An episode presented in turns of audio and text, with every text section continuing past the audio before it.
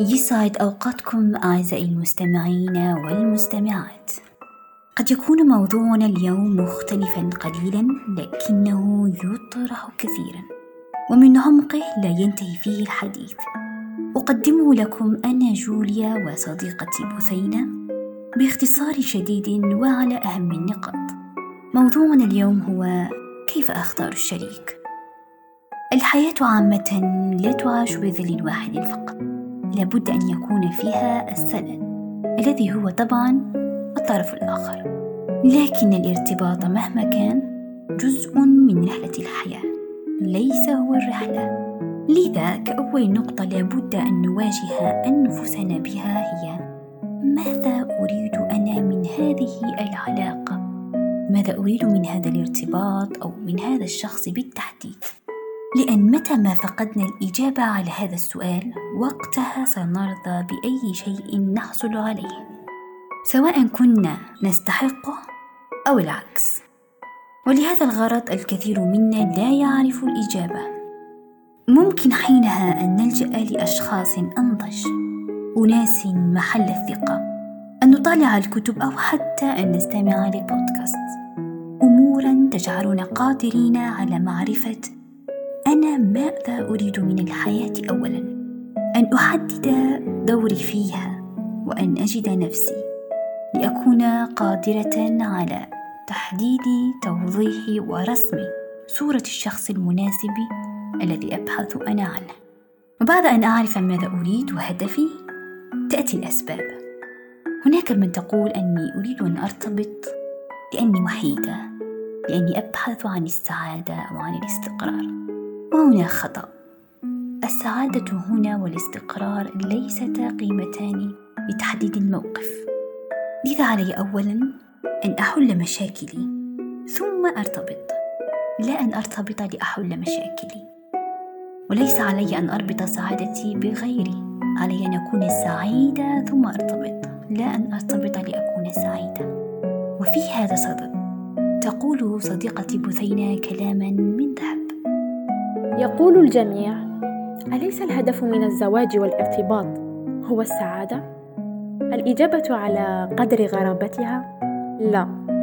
فالسعادة بتعريفها هي قرار وحالة ذهنية وراحة بال لا ترتبط بشخص ولا بمكان ولا بحالة ولا بزمان. لذلك من الخطأ أن نربطها بشريكنا المستقبلي. فغالبا ما يكون لدينا توقعات واعتماد تام على الشريك ليجلب لنا هذه السعادة الأبدية ويغير حياتنا. لكن إن تعمقنا قليلا سنفهم أن هذا ليس حب بل تشرط واحتياج واعتماد غير عادل. فالرجل ليس بالشخصية الخارقة الهاربة من أفلام ديزني وأنت لست سندريلا المحطمة اليائسة التي تنتظر أميرا لينقذها. حتى أنه لا يملك مصباح علاء الدين السحري ليحقق لك كل أحلامك. أنت أفضل قوية بالله غنية به سعيدة بقربك من الله لديك عالمك الجميل الخاص بك من عائلتك وأصدقائك من أحبتك وأهدافك وأحلامك ودراستك. كذلك الرجل وأيضا يملك عالما خاصا به من أهدافه وأحلامه. لذلك نحن نرتبط بشخص ليشاركنا هذه السعادة هذا الإيمان يشاركنا هذه الطموح وهذه الأحلام والأهداف ليشاركنا بصفة عامة حياتنا لكن لا ليصنعها. فعندما تستقل مشاعرك عندما تصلين لمرحلة السعادة بنفسك عندما يصل بك الإيمان والشعور بأنك مكتفية سعيدة بنفسك لديك جوك الخاص عندما تثقين أنك امرأة مكتملة غنية بالله تتضح أمامك الصورة. ستدركين أنك لا تحتاجين لنصف ليكملك فأنت كاملة بالأساس. عندها فعلا يكون الحب صاف وحقيقي وقوي. فبدلا من انتظار فارس أحلامك الذي ينقذك من تعاستك تعلمي أنت قواعد الفروسية وكوني أنت الفارسة. وبدلا من انتظارك لأميرة تنير ظلمتك كن أنت النور لنفسك.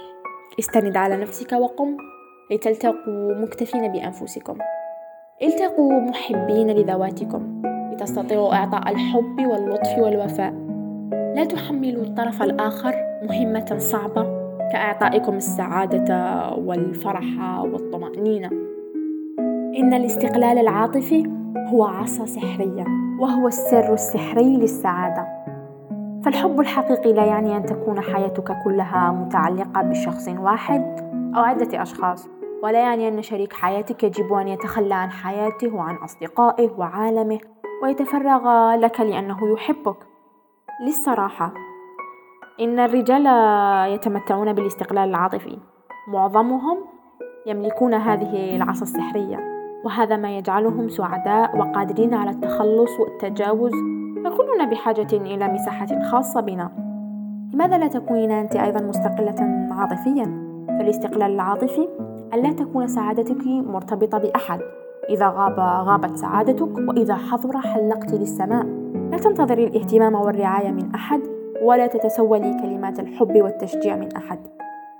اعملي ليكون لك عالمك الخاص من أهلك وأصدقائك هواياتك وإنجازاتك. وكل الأشخاص من حولك هم إضافة جميلة لهذا العالم لا أكثر. فلتجعلوا سعادتكم مرتبطة بالمصدر الأساسي والرئيسي. استمدوا السعادة من خالقكم ومن داخلكم من هواياتكم من كوب قهوة وحتى قطعة حلوى. بعدما عرفت ماذا أريد والأسباب يأتي الطلب. وطبعا ليس أول أوبشن يأتيني أتعلق فيه وأتشبث. تحت ظل أي فكرة غرسها المجتمع فينا. كيف أختار؟ المطلوب هو كخطوة أولى محايدة المشاعر أن أكون عقلانية تماما.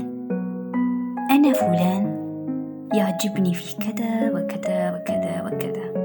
ولكن فيه شيء أو طبع سيء. لا أستطيع أن أتخطاه. إذا أنت لست مجبورا على التعايش معه نتوقف منذ البداية.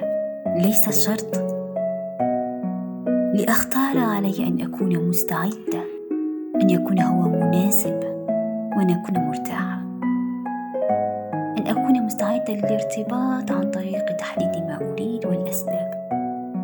أن يكون هو مناسبا لي فكريا عاطفيا اجتماعيا والأهم أخلاقيا. وأن أكون مرتاحة الراحة والطمأنينة شيئان أساسيان لا يتجزأان من أي علاقة كانت.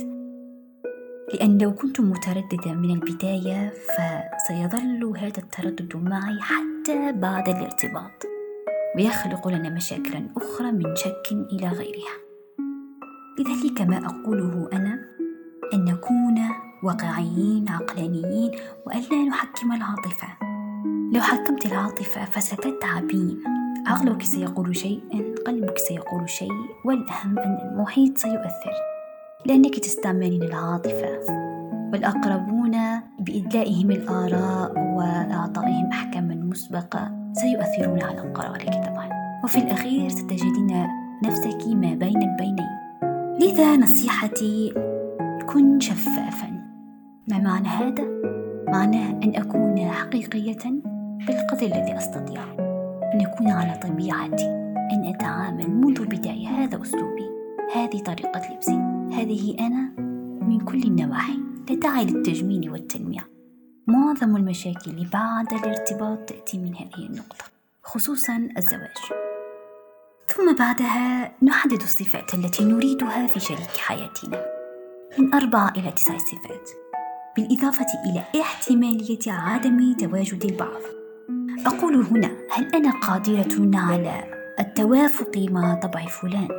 لأنها طبعا نتائج نتحملها فيما بعد. فكيف أخلي اللي أمامي يتعامل معي بنفس الطريقة لأن يكون حقيقيا هو أيضا وطبيعي بسيطة. أن أكون أنا حقيقية كليا بالقدر الذي أستطيع وأن آخذ وقتي لتقييم الأمر والموقف والشخص بالتحديد وأن أنظف طاقتي طبعا وأستشفي من أي شوائب سلبية بي وفي الأخير يقول ريتشارد تيمبلر لن تكون سعيدا مع شريك حياتك لو لم تكن سعيدا وأنت وحيد. شكرا لحسن الاستماع. كانت معكم جوليا وبثينة في بودكاست روح. إلى اللقاء.